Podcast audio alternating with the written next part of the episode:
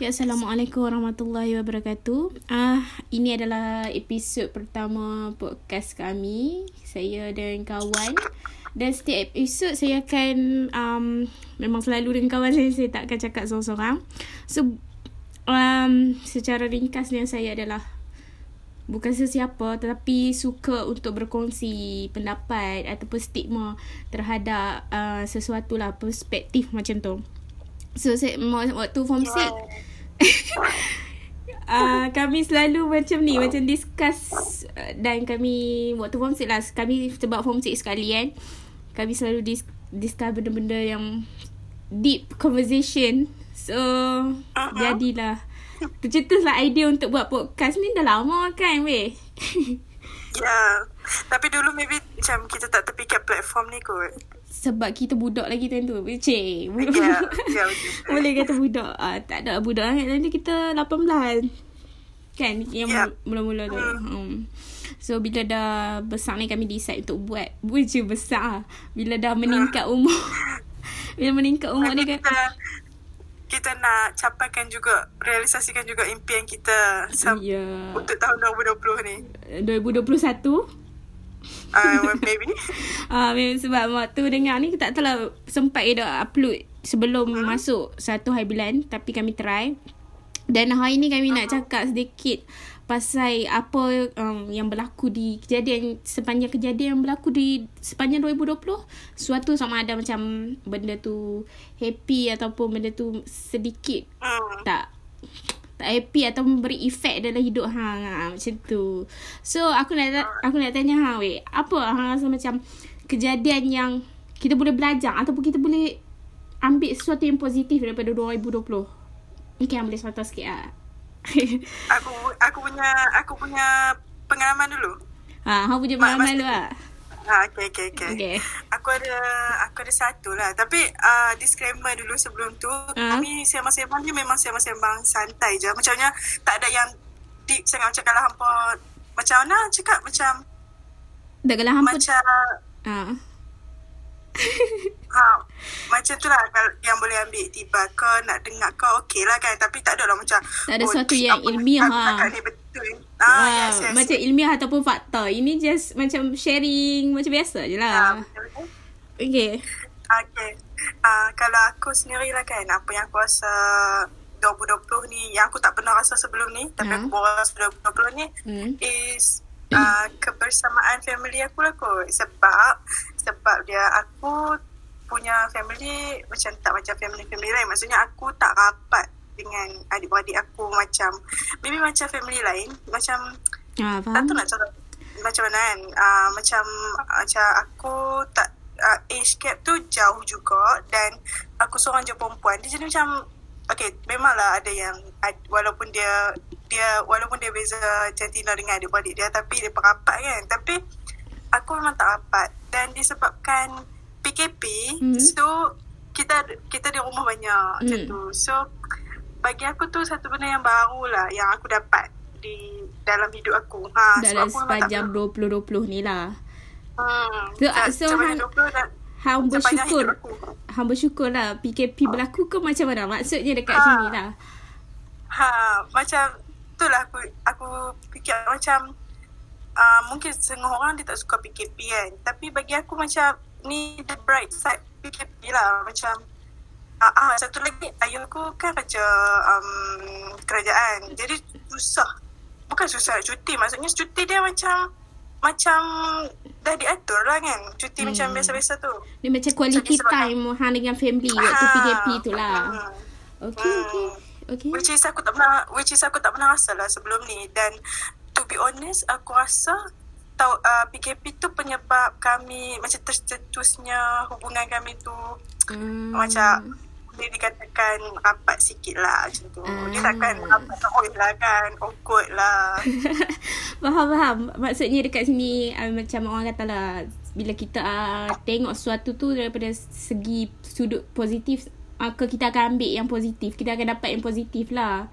Maksudnya PKP ni.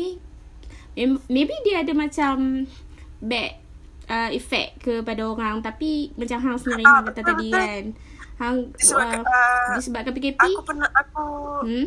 aku pernah dengar juga uh, disebabkan PKP orang bercerai which is macam bagi aku macam um, macam mana macam bagi aku just agak sedih lah sebab hang bertahun lamanya dengan dia ni orang yang bedah bertahun lama tapi mm-hmm. disebabkan PKP mm-hmm. dia spend banyak time dekat rumah mm-hmm. dia cakap dia dia annoyed dengan benda tu ah. aku cakap real story which is bagi aku macam itulah macam Han cakap lah kalau kita tengok dari positif mungkin kita boleh dapat yang positif kan tapi yalah itu semua back to ketentuan Tuhan lah kan tapi uh, tapi aku memang seriously bila aku dengar yang someone tu bercerai Hmm? Macam aku bagi aku macam oh PKP ni impak dia dekat orang tu lain-lain lah. Macam hmm. kita tak boleh cakap macam oh PKP ni best lah. Tak boleh.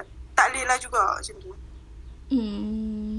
Tapi kan macam bagi aku sendiri, aku kalau nak cakap pasal 2020 ni adalah satu tahun yang agak susah ataupun agak sukar untuk aku tak, macam mana nak apa tapi satu perjalanan tu aku macam fikir macam Hai, kenapa 2020 hanya bagi benda ni je aku. Macam hang tadi, hang boleh ambil daripada side positif. Tapi bagi aku sendiri, personally, aku rasa macam ah 2020 is satu tahun yang kesalahan harungi kan. Ah, ha, satu tahun yang susah untuk aku harungi. Tapi kan aku fikir aku belajar satu benda je lah dekat sepanjang 2020. Tak, eh, satu ke? Macam dua. Tiba-tiba jadi banyak. Tapi rasa ha. macam adalah benda positif yang aku boleh ambil. Dia tak adalah bad year sangat. Tapi benda ada benda yang kita boleh belajar lah. Uh, the thing is, aku rasa aku lebih hargai mental health kot. Macam mana nak handle stress apa semua. Sebab kan aku tak tahu yang stress ni. Kan aku pernah masuk wad yang aku cerita kat hang tu kan. Yang doktor kata stress tu kan. Masa aku masuk ward tu Aku kena tahan Doktor kata nadi aku laju sangat So dia macam Kata aku stres Lepas tu dia tanya aku student ke Kenapa stres apa Semua Pasal belajar ke apa semua kan Dan Aku pun tak sangka yang macam Stres ni boleh menyebabkan Mengganggu ataupun menjejaskan Kesihatan seseorang tu Faham tak? Betul Aku tak tak tahu pun macam Oh stres masuk Boleh masuk ward kan Macam Macam tak terfikir benda tu Tapi Lepas tu lah aku baru macam mendalami tentang psikologi kot. Uh-huh. Macam self-love, macam mana nak hargai uh-huh. diri sendiri, macam mana nak handle stress, macam tu lah. Kan aku selalu post kan benda-benda macam tu. Pasal tak? Uh-huh. Nah, uh, betul. So aku rasa benda tu aku belajar lah daripada tahun 2020. Aku tak pernah pun sangka yang benda ni akan jadi macam suatu yang lebih teruk lah macam tu. Hmm, um, satu impak lah ke diri hang kan sebab macam to be honest aku pun sebelum ni sebelum kejadian hang hmm. masuk ward sebab kena tambah ayak weh.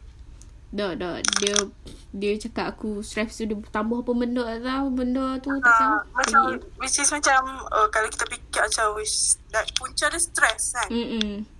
Uh, so macam Yalah Stress dah minum Aku kopi. Aku ha.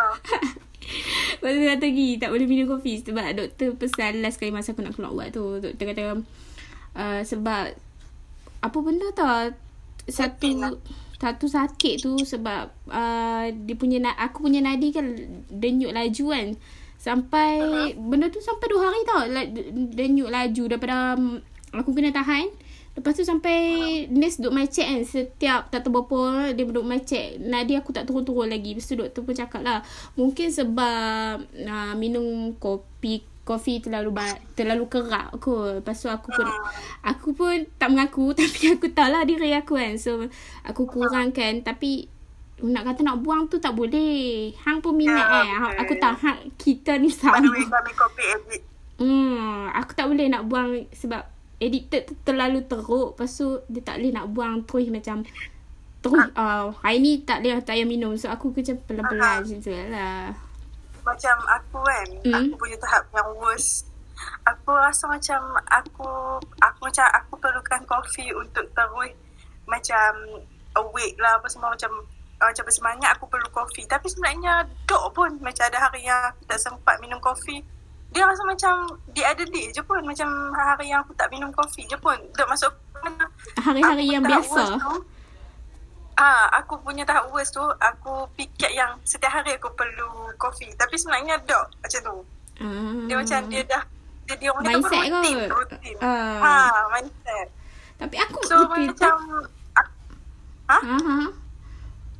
Tak, tapi aku rasa macam, uh, yang tu lah yang aku kena, bukan fikir. Maksudnya macam, uh, tak, macam tu lah kalau nak ubah tu memang tak boleh kan. Tapi, Kurangkan. entahlah, macam, hmm, kurangkan lah sebab untuk kesihatan kan. Tapi Mm. itulah. Tak, aku macam aku selama ni orang bagi tahu lah juga eh, macam eh jangan minum kopi selalu tak tak baik. aku macam eh kisah apa janji aku dah aku rasa macam kopi ni kan dia bagi energi lah kat aku sebab kalau Ah, hmm, macam hang kata tadi aku aku aku macam tu wes kalau ah, Pagi tu yang aku minum kopi dengan pagi yang aku tak minum kopi tu pagi yang aku minum kopi tu lebih bertenaga. Aku jadi macam energi aku lebih. Ah, macam tu. faham. Tapi kan, sembang pasal kopi kan. hmm. Aku macam annoyed sikit dengan orang yang buka kafe tapi dia tak minum kopi. Lepas tu dia buat kopi tak sedap. Tu, Aku ah, stress. ah, personally pernah jumpa orang macam ni. Ha. Macam aku macam aku stres. Tak tahu eh sebab macam bukanlah aku nak marah dia buka kafe tapi macam tak tahu apa yang aku perlu rasa. faham, faham. Okay, tak apa wait. Aku um, nak tanya hang lah satu kan. Okay. Bolehkah kita end pasal kopi tu? Kau nak tengok Ah, lagi? boleh, okay. Okay, habis dah pun. Ha. Um, aku nak tanya Hang Kalau lah macam orang bagi Hang Macam just random question kan Hang nak balik ke 20, 2020 Hang mau Macam mau Weh 2020 Oh, wow. hang, hang nak Kembali tak pada wa- waktu tu Ah, ha, Waktu dan ketika itu Cik Hmm, okay. Jawapan dia uh, dia macam dia macam para bukan apa macam 50-50 sebab aku nak aku aku terasa tahun-tahun ke depan ni hmm? kita dah kita dah takkan sama macam mana kita tak ada covid. Jadi aku maybe nak balik 2020 bulan 1. uh, Maksudnya hang, hang nak balik untuk apa Macam Mesti Sebab ada reason masa- Macam Masa 2021 tu Ha? sebelum kita ada covid dekat tempat kita lah kan. Aha. Um, kan kita hidup Yalah macam biasa lah Maksud aku macam Tak ada S, uh, tak ada SOP Tak Alah, ada just macam normal life macam daily life biasa. normal life. Ha. Dan aku time tu Aku teman kawan aku Before dia balik Tempat dia Macam Time tu aku spend time Masa dekat uh, College Lepas tu aku boleh kata aku macam buat banyak aktiviti lah. Dan time tu bila duduk college tu, aku sebelum ni aku tak pernah duduk jauh kan. So Mhm. bila aku duduk college tu, aku rasa macam, um, macam mana macam, bukan nak kata bebas, macam, uh, macam bebas lah, hamai kan. Ha, ha. Uh, even kita duduk rumah pun ada juga stress dia kan. Mhm. So, macam duduk college tu best lah, best-best. Kalau siapa student mungkin boleh Relate lah tahu dengan rasa satu best dia tu. Ha, ha. Okay, okay. Tapi, Itulah tapi kalau kalau nak macam hang soalan hang tadi kalau nak patah balik tu uh, aku nak uh, uh, day before covid je macam after Dalam- that tu aku rasa memang bagi aku tak adalah aku impikan sangat. okay. But, uh, macam, hang, hang tak kisah macam, maksudnya, waktu kan hang, um, hang kata tadi macam nak balik ke life before PKP untuk Ha? nikmati, just untuk nikmati hang punya student life macam tu. Kat college. Ah betul.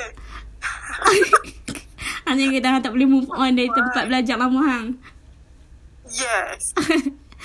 Dia macam suasana lah kot yang mungkin hang Ah rindu. ya tu sana lah kot. Uh, Eh, nak kata macam aku suka college tak lah juga.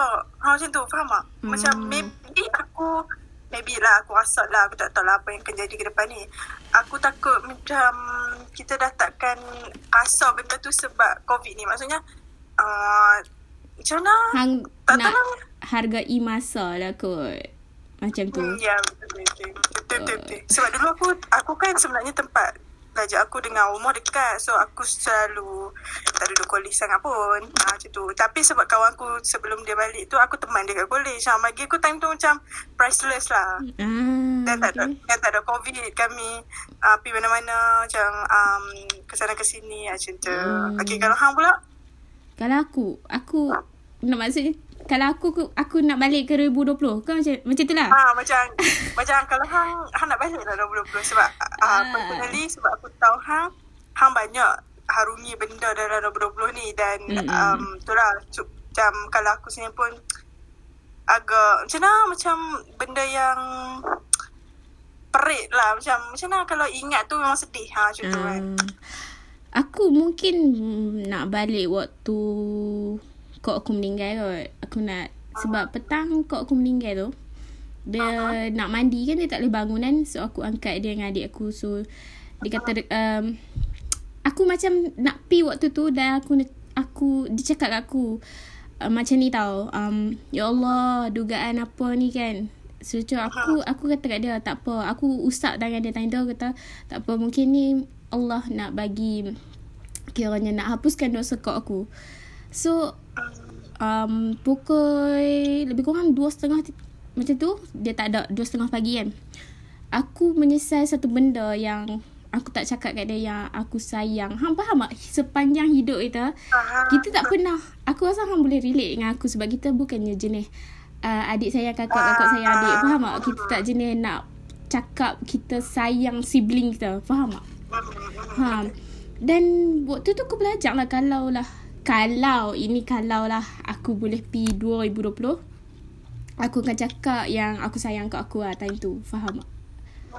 aku cakap aku aku sayang dia dan aku nak berterima kasih sebab jadi kakak aku apa semua tapi ya benda dah berlalu tak apa aku tak boleh ya tak tak boleh lah nak bersedih sangat tak apa just let go hmm. macam tu ya tu apa yang kita nak kan kalau kita ha. boleh ni aku cuma hmm. kalau nak kalau nak mai 2020 balik aku cuma nak pi ke waktu tu ha uh, Ha, untuk cakap just untuk cakap benda tu je lah. ah, tak apalah jangan dramatik sangat. Eh. kita kita kan tak mau masa deep sangat kan. Ni ni kan episod permulaan baru. Ah, uh, lagi waktu permulaan dah sedih. Jadi macam spoil pula kan. Tapi kan. Uh, tapi benda tu memang uh, even untuk aku pun boleh jadi pengajaran juga. Hmm. Well, lepas tu lagi satu aku nak pesan lah. Just pesan siapa-siapa yang dengar ni kan. Just uh-huh.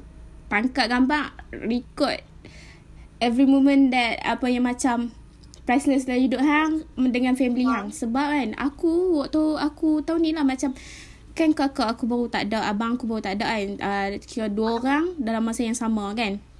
Dan, bukan pada masa yang sama. Tahun yang sama waktu yang dekat. Yes. Waktu yang agak dekat. Ha. Ah, waktu yang agak dekat. So, aku macam rindu lah kan. Lepas tu bila aku buka galeri, hantar just gambar kami. Gambar aku dengan kakak aku waktu raya je. Macam tu pun ramai-ramai. Tak ada gambar, tak ada gambar, tak ada video kami berdua ataupun uh-huh. dengan abang aku. Just ramai-ramai gambar raya dekat depan rumah. Yang tu je weh. Lepas tu bila aku macam reflect balik kan. Aku kalau keluar dengan kawan-kawan, aku boleh tangkap gambar, uh-huh. aku boleh record video. Why dengan family aku, aku tak buat macam tu. Dia macam, ah, macam satu penyesalan bagi aku tau. Dan kalau aku Sebab bu- aku pun macam tu kan. Ha, ha tu sebab aku cerita dengan Hang sebab aku tahu kita lebih kurang je weh. Kan betul? Ya Allah aku menyesal menyesal sangat-sangat. Macam kenapa dengan kawan aku boleh record aku boleh tangkap aku boleh tangkap gambar banyak-banyak gambar lepas yang cantik. Tapi dengan family aku ya Allah aku tak ada weh. Baru sedang tau tapi itulah benda dah benda dah jadi. So aku aku tak apalah belajar. Cuma aku nak siapa-siapa yang dengar ni just kalau boleh tu simpan kenangan banyak dengan family sebab kita tak tahu apa yang berlaku kat depan. Nanti jangan menyesal macam aku acah acah terpaling aku tersakiti. Pun, aku pun kena ambil tiba betul eh? Dia macam satu perasaan tu ya Allah sedih dan menyesal. Tapi hang tak guna dah nak buat nak menyesal pun. Benda dah benda dah jadi dah tau. Oh hmm. tapi aku baru aku teringat satu insiden yang berlaku tapi aku baru teringat tu 2019 tapi tak apa. Ah tak apa, okey. Apa yang berlaku? Oh, kena cerita tak? Okey. kena kena.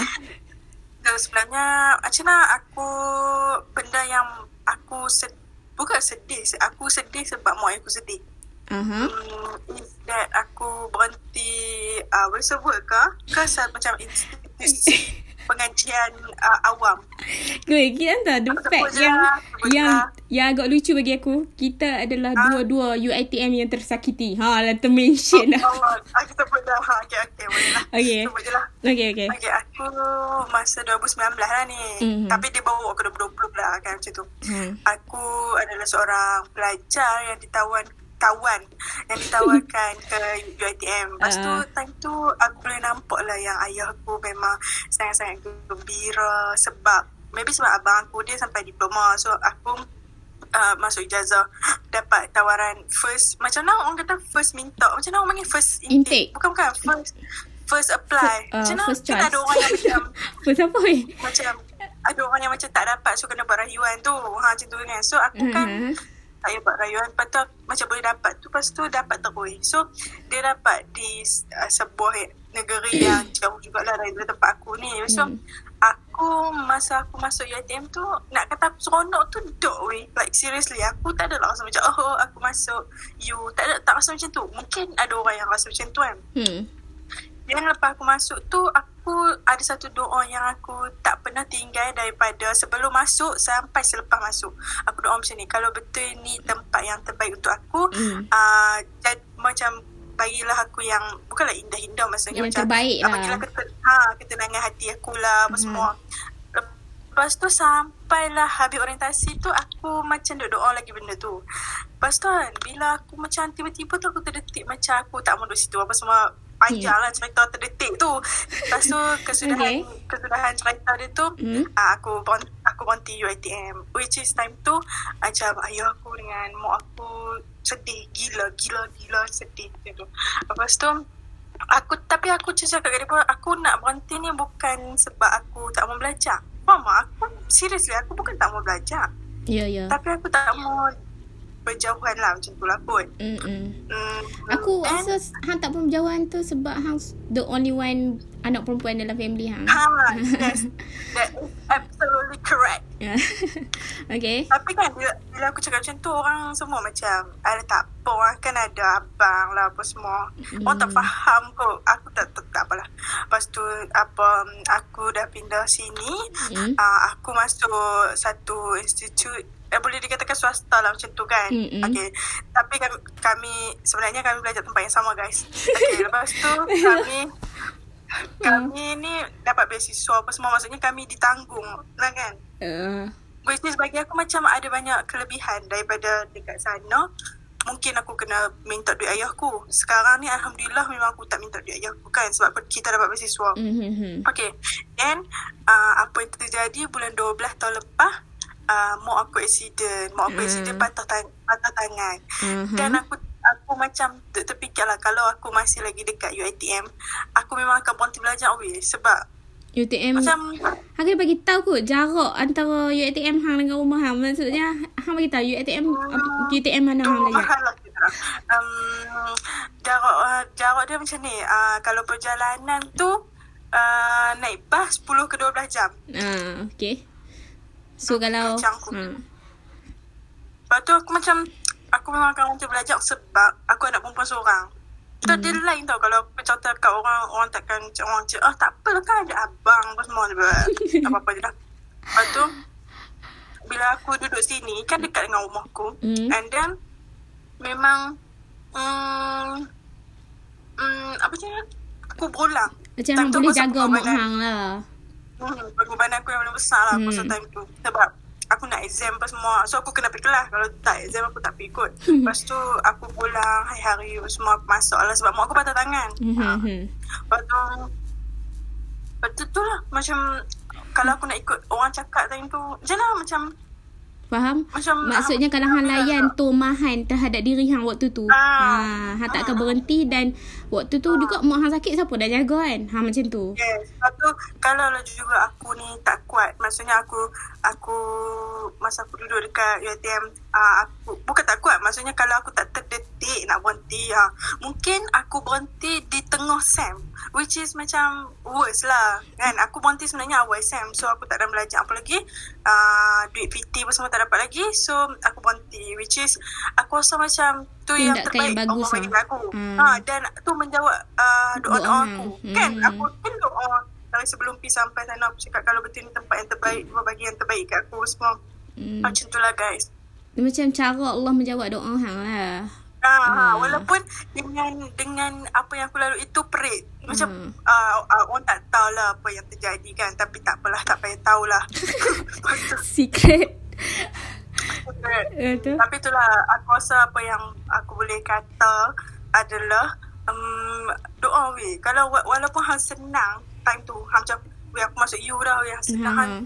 jangan berhenti doa yang terbaik untuk diri hang lah sebab tak ada siapa tahu yang terbaik untuk diri hang. Macam betul, kami betul. dekat tempat ni sekarang pun kan orang akan hmm. kata eh nanti kalau CJ tak laku macam mana ha. Orang kata macam tu. betul. Tapi doa lah. Betul ha. betul. Aku ha. aku aku boleh relate dengan story yang sebab kan. Aku pun macam tu eh. Waktu aku nak berhenti UiTM. Lepas tu. Kan aku duk fikir lah. Macam benda. Banyak benda lah macam decide tu kan. Antara sebab aku berhenti UiTM tu. Sebab sebab kau aku meninggal tu lah. So aku macam dah macam. Tak tahu lah orang nak kata aku buat teruk pun. Nak, nak, nak kata macam nak kata aku buat teruk pun. Nantak lah. Dia pun kan tahu pun apa yang berlaku. But apa waktu tu banyak kita akan fikir banyak benda. Lepas tu orang akan tanya kan. Macam aku kan berhenti UiTM masuk masuk swasta. Lepas orang macam macam satu tindakan yang bodoh. Maksudnya daripada IPTA ah. dia masuk swasta. Faham tak? aku sangat faham lah perasaan ni. Lepas tu lepas tu pula. Orang kata banyak yang tu. Ha, kan? Tu sebab tu aku boleh aku cakap dengan hang sebab aku rasa hang faham. Sebab jalan jalan cerita kita dari dulu lagi aku rasa ah lebih kurang macam tu kan. Lepas bila jadi macam tu bila bila aku aku sedih gila weh berhenti daripada UiTM insya-Allah. Lepas tu aku macam tak apalah tak memang nak pujuk hati tu macam banyak benda lah fikir apa, untuk selalu positif apa semua kan. Lepas tu bila bila satu kejadian berlaku lepas aku berhenti tu aku macam nampak macam apa pun yang berlaku dalam setiap tahun tu dia ada hikmah untuk perjalanan kita ke masa hadapan. Ha, betul. Ah, ya, Waktu ni mungkinlah kita tak sedap macam kita aku rasa macam normal lah aku untuk rasa sedih tapi untuk macam tak move on dengan hidup hang tu tu tak boleh. Aku rasa macam kita kena move on dan kita akan jumpa hikmah macam Allah nak tunjuk apa dekat kita waktu tu. Ha. Memang kita akan rasa sedih macam kita dekat dekat waktu tu kan. Hang masa hang quit tu hang rasa sedih tak? Aku nak tanya hang. Sedih lah. Dan ha. orang kan kata macam ni. Uh, betul ke nak berhenti apa semua kan? Hmm. Padahal kan orang apa yang orang tak tahu kan. We kan macam ni. Orang tak tahu yang kita sebelum nak berhenti tu kita fikir dari eh, macam mana? Dari segala aspek tu. Oh, betul, betul, betul, betul, betul, betul. Uh, betul kan uh, lepas ni kalau berhenti UITM tak boleh masuk UITM dah. Oh, betul aku eh. Fikir aku semua tu tapi yalah kalau orang nak kata tak apalah. Aku maafkan. lepas tu lepas tu barulah banyak kejadian yang berlaku kan. Oh ya Allah, aku bersyukur kenapa? Aku bersyukur sangat lah keputusan aku betul eh, untuk berhenti UITM. Ha macam tu. Ha betul. Aku macam rasa macam tu lah. Tak tahu lah kenapa uh, bukan nak sedapkan diri sendiri tapi aku rasa macam Allah tahu yang terbaik untuk kita. Faham? Uh, hmm. Aku belum ada satu cerita yang menyebabkan aku uh, uh, kan hang dapat rasa benda ni sendiri. Maksudnya hang hang ada kesedaran tu aku tak aku aku Allah kirimkan seseorang bagi ayat yang memang random tapi sedarkan diri aku. Which is aku terima kasih sangat kat kok tu tapi aku tak nampak dia sebab time tu tengah rokol dalam gelap. So aku macam tak nampak siapa dia tu. Okay anyway. oh, okay, okay. Uh, dia, dia panggil untuk baca yasin ramai-ramai mm-hmm. time tu uh, kalau tak silap aku, aku baru dua minggu dekat institut baru ni. Hmm. Uh, aku baru dua minggu masuk dan aku memang, honestly, perasaan aku adalah aku masuk je sebab aku dah keluar UITM kan. Mak hmm. aku sedih. So, aku hmm. masuk je sini uh, untuk senangkan hati mak aku. Which is macam aku tak gembira langsung. Ha, macam tu.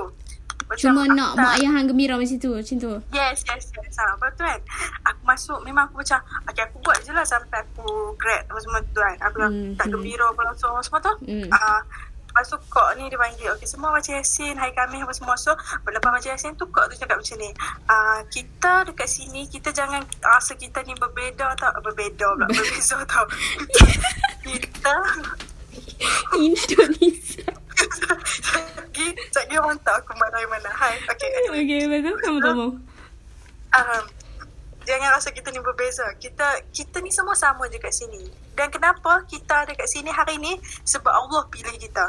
Bukannya kita ni semua ni dia kata kau percaya tak semua dekat sini yang tak layak masuk universiti awam. Tapi mungkin ada yang kekangan duit, kekangan uh, apalah macam-macam lah macam uh, masalah-masalah peribadi kan. Ah, Ah, masalah pribadi hmm. ada juga. Maybe, maybe memang ada yang tak pas untuk masuk universiti awam. Tapi dia cakap, uh, tapi kenapa kita semua dikumpulkan dekat sini? Hmm. Sebab Allah pilih kita. Dia kata, kenapa hmm. kita dalam Malaysia ni, dalam Malaysia ni, kita ada dekat sini dalam hmm. yang Malaysia ni. By the way tempat kami pun ada juga orang luar kan. Hmm. Tapi dia kata, dia cakap Malaysia je lah dia bagi contoh tu kan. Dia kata hmm. kenapa dalam Malaysia ni dalam uh, ada ramai-ramai orang dekat Malaysia ni kita ada dekat sini. Hmm. Uh, sebab Allah pilih kita. Ingat tu.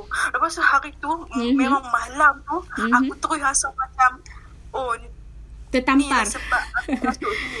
Uh, okay. Macam, okay, ni lah sebab aku masuk sini. Sebab Allah pilih aku. Betul, uh, macam, betul, betul macam start hari tu lah dan aku berterima kasih sangat kat kok tu dan aku lupa dah siapa kok tu tapi memang ayat tu hang bayangkan ayat yang random yang hang dengar lepas tazkirah maghrib macam uh-huh. macam random tu loh tapi macam tapi wow.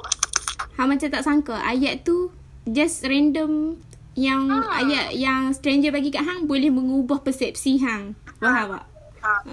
Sebab tu aku ambil insight banyak. Maksudnya macam even kita buat podcast ni kan. Uh-huh. Sebab tu aku cakap sembang-sembang santai. Tapi kalau ada yang nak ambil tu, ha, ambil lah. Tapi macam betul, uh, betul, disclaimer betul. tu kami tak adalah ilmiah macam oh, uh. one plus one.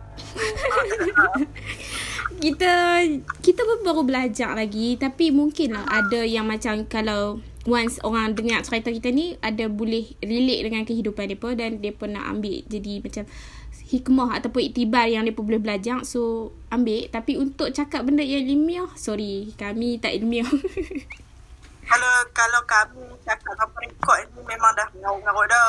Ada je yang ngomong kan. Betul eh. Kita tak ni macam kita tak se, se, se, sebijak orang lain lah kot. Kita just kita. Sebab tu kita sembang apa yang kita lalui lah. Ha, ada betul, yang betul. mungkin So hmm. tu aku aku macam ada pernah terdetik. Bukan terdetik lah kita fikir. Ada orang dia ambil itibar ataupun ambil pengajaran daripada orang yang lebih teruk daripada dia. Ada yang macam dia ambil contoh yang baik daripada, daripada orang yang lebih baik macam orang yang lebih alim macam tu. Mm-hmm. Faham tak? Tapi ada yang ambil daripada daripada orang-orang biasa macam mm. uh, macam lain-lain lah. Setiap orang dia punya cara penerimaan ha, tu lain-lain. Betul-betul. Wait, tapi bercakap tentang 2020 kan. Antara satu benda yang aku boleh belajar juga daripada 2020. Antara aku uh-huh. kenal mana satu kawan, mana mana satu uh, lawan uh. like macam waktu uh, yang macam aku cakap tadi 2020 ada satu tahun yang aku sangat sangat sangat sangat diuji dengan Allah insyaallah Allah sayang cik uh. okay lepas tu kan uh, macam aku just kenal waktu mana macam kawan-kawan yang betul-betul ikhlas kawan kawan dengan aku dengan kawan-kawan yang macam just kawan dan belah bila dia pernah apa uh. dia dapat macam Ha, macam faham faham kan? Faham. Aku ha. rasa dia macam ni. Kawan-kawan yang uh, hang boleh tahu siapa yang takut kehilangan hang. So, oh, itu apa yang kuasa. So, itu apa yang kuasa. Betul. Macam, uh, aku, Betul. Aku boleh tengok lah apa yang siapa. Macam, to be honest, hmm? macam aku pun bukan seorang yang macam sweet. Yang macam hari-hari dengan member-member macam tu kan. Tapi mm-hmm. ha, macam tu lah masa hang down. Uh, uh, masa-masa hang down. Mm. Betul hang macam masuk hospital apa semua tapi aku nak bertanya ke kabar hang macam macam macam nak cari ruang tak untuk bertanya khabar macam tu lah. Ha, ha, ha, ha. Dia adalah juga dekat kawan-kawan lain yang aku buat tapi hmm. tak orang kata apa tak bukan tak semua maksudnya macam tu lah macam kita aku rasa yang tu sama ada sebab 2020 ataupun kita dah mencapai umur yang kita nak cari orang yang betul-betul macam kita bila kita jumpa orang yang betul kita tak mahu hmm. dia hilang dalam hidup kita macam tu lah hmm, betul eh Betul. Aku rasa macam Aku di fasa-fasa ni kan. Aku nak jaga Yang mana kawan-kawan yang ada Dengan aku Aku dan Aku tak mahu Macam Kawan tu mungkin berkawan Sebab kita pun Macam Akan jumpa orang Ramai lagi Faham tak? Aha, Tapi untuk Untuk buat kawan rapat Yang macam nak cerita Semua benda Yang nak cari waktu susah Aku rasa Cukup lah kot Siapa yang ada waktu aku susah tahun lepas je. Waktu aku aku susah 2020. Maka orang tu juga aku akan jaga sampai bila-bila insyaAllah. Dan uh-huh. untuk buat untuk buat kawan yang baru aku rasa tak tahulah. Mungkin banyak pengalaman mungkin, tentang kawan ni kot bagi kita semua. Uh, mungkin akan ada lah kawan baru. Tapi mungkin tak lama bukan tak lama macam mendoakan pula tak? Maksudnya macam mungkin ada lah kawan baru. Tapi untuk serapat dengan yang kita masa susah tu ha, lain lah betul, kan? betul, betul, macam betul, ada orang pernah cakap definisi kawan bagi dia tu waktu. Maksudnya betul Betul, betul. Perjalanan waktu dia lah Maksudnya dia Bila dia dah lama dengan kawan tu ha, Dia betul-betul Dia bila dia dah lama dengan kawan tu Dia ada time susah senang hmm. Maksudnya kalau orang yang baru tu Masih lagi macam Kena atas Atas surface macam tu je lah. Hmm, betul. Dan lagi satu aku setuju dengan orang yang macam kata kita waktu waktu kita senang kita tak boleh nak kenal lagi kawan-kawan kita tapi waktu kita susah uh. waktu kita jatuh waktu kita ada masalah baru kita boleh kenal siapa kawan kita. Waktu tu memang aku memang aku memang 2020 aku dah jumpa dah maksud tu weh. Memang aku dah wow. aku dah Aku dah alami dah situasi tu dan aku rasa macam betul lah. Kita boleh banyak kawan tapi untuk untuk yang betul-betul susah, ha susah senang tu memang susah nak cari. Dan aku rasa macam 2020 satu tahun yang aku belajar tentang benda tu lah macam kawan macam quality time maksudnya macam nak menghargai family macam tu. Aku rasa macam bila fikir balik 2020 tak adalah macam tak ada lah bad year sangat. Tapi tu lah uh, macam tu. Kita boleh ambil pengajaran kot daripada apa yang berlaku waktu tu. So ada satu lagi apa hmm. yang aku achieve tahun ni. Oh, okay. Aku boleh main ukulele dengan gitar. Oh. Uh, mungkin orang tengok macam betul, betul. tengok macam eh, apa? Aku pun boleh main. Tapi aku dah ada gitar daripada 2014 tapi aku tak boleh main gitar hmm. dan aku rasa reason dia um, dulu okay siapa yang tak tahu aku tak ada social media sebab aku dah delete semua social media betul dia orang yang so, pelik ada tak ada social media Ah, mesti oh, orang yeah. macam ini umur berapa ni? Old school ni lah. Aku tak ada social media. Dulu aku ada social media dan aku rasa dulu aku main gitar bukan main aku nak nak main gitar sebab aku nak tunjuk ke orang. Aku rasa lah aku rasa. Mm-hmm. Lepas tu law ni, law ni kan aku cakap aku ada azam dalam diri aku masa PKP kalau aku macam keluar daripada PKP aku tak belajar benda baru mm-hmm. aku tak boleh aku macam aku kena ada belajar benda baru macam ada orang macam masak ke apa kan so aku cakap aku nak belajar ukulele dan Weh, bukan nak kata cepat tapi memang dalam sebulan tu aku boleh main ukulele dengan gitar. Dan aku fikir, oh maybe sebab aku belajar untuk diri aku. Ah, betul. Dan aku, aku, aku, aku nak post lah, aku nak post sebab aku dah tak ada semua benda tu kan. Uh-huh. Okay, so itulah. Maksud aku macam, macam mana macam, uh, ataupun Allah nak bagi for the right time benda-benda macam tu kan. Uh, sama ada macam tu je lah. Tapi tu achievement aku lah. Tapi, masa ia berlaku sebab dia macam hang boleh main tu sebab macam niat hang lah kot. Macam ah untuk waktu, diri ha, untuk diri sendiri. Untuk kepuasan lah aku rasa kan. Hmm, hmm. hmm. macam tu lah juga aku nak cakap dekat orang kan. Kalau lah macam hang nak kurui ke apa ke mm-hmm. jangan kurui sebab orang. Maksudnya jangan kurui sebab oh aku nak boyfriend suka kat aku. Okay okay mm-hmm. buka eh, buka preference sebab macam masa boyfriend hang tu boleh tak suka hang kalau hang nak kurui ke hang apa ke hang buat untuk diri hang sendiri Faham tak? Macam bila Kui macam, macam nak ibadat. Maksudnya kalau gemuk kan susah nak ibadat. Ha, ha, maksudnya ha. kalau aku kurui ni aku boleh buat banyak benda. Ha, betul-betul. Lebih aktif macam tu. Lebih ringan. Ha, mm-hmm. Dan ada juga macam yang pakai pakai hijab sebab boyfriend. Lepas tu lah break tak pakai hijab. Bagi aku macam uh, apa-apa pun fikir hang buat untuk diri sendiri dan Allah lah. Ha, betul-betul. Wait, um, aku rasa dah 40 minit ni. Mungkin hang boleh bagi oh, kesimpulan. 40 minit weh. Kesimpulan lah. Kesimpulan daripada tu. apa yang kita bincang hari ni lah. Macam lah, simple-simple. Apa kita bincang hari ni kan. Bagi aku sendiri lah personally. Tapi kalau hampa yang siapa yang mendengarkan ni boleh juga buat kesimpulan berdasarkan apa yang hampa rasa kan. Tapi untuk aku, aku rasa first thing first, uh, apa pun uh, percaya dengan Allah. Macam aku bukanlah nak kata aku ni apa-apa macam mana macam aku bagi aku macam macam kes aku berhenti di UiTM kan mm-hmm. walaupun dimarahi ditomahi apa semua. Mm-hmm. tapi percaya percaya Allah. Bukan percaya percaya, percaya Allah kepada percaya macam hikmah. bukannya hang kena tengok hikmah. Macam tu.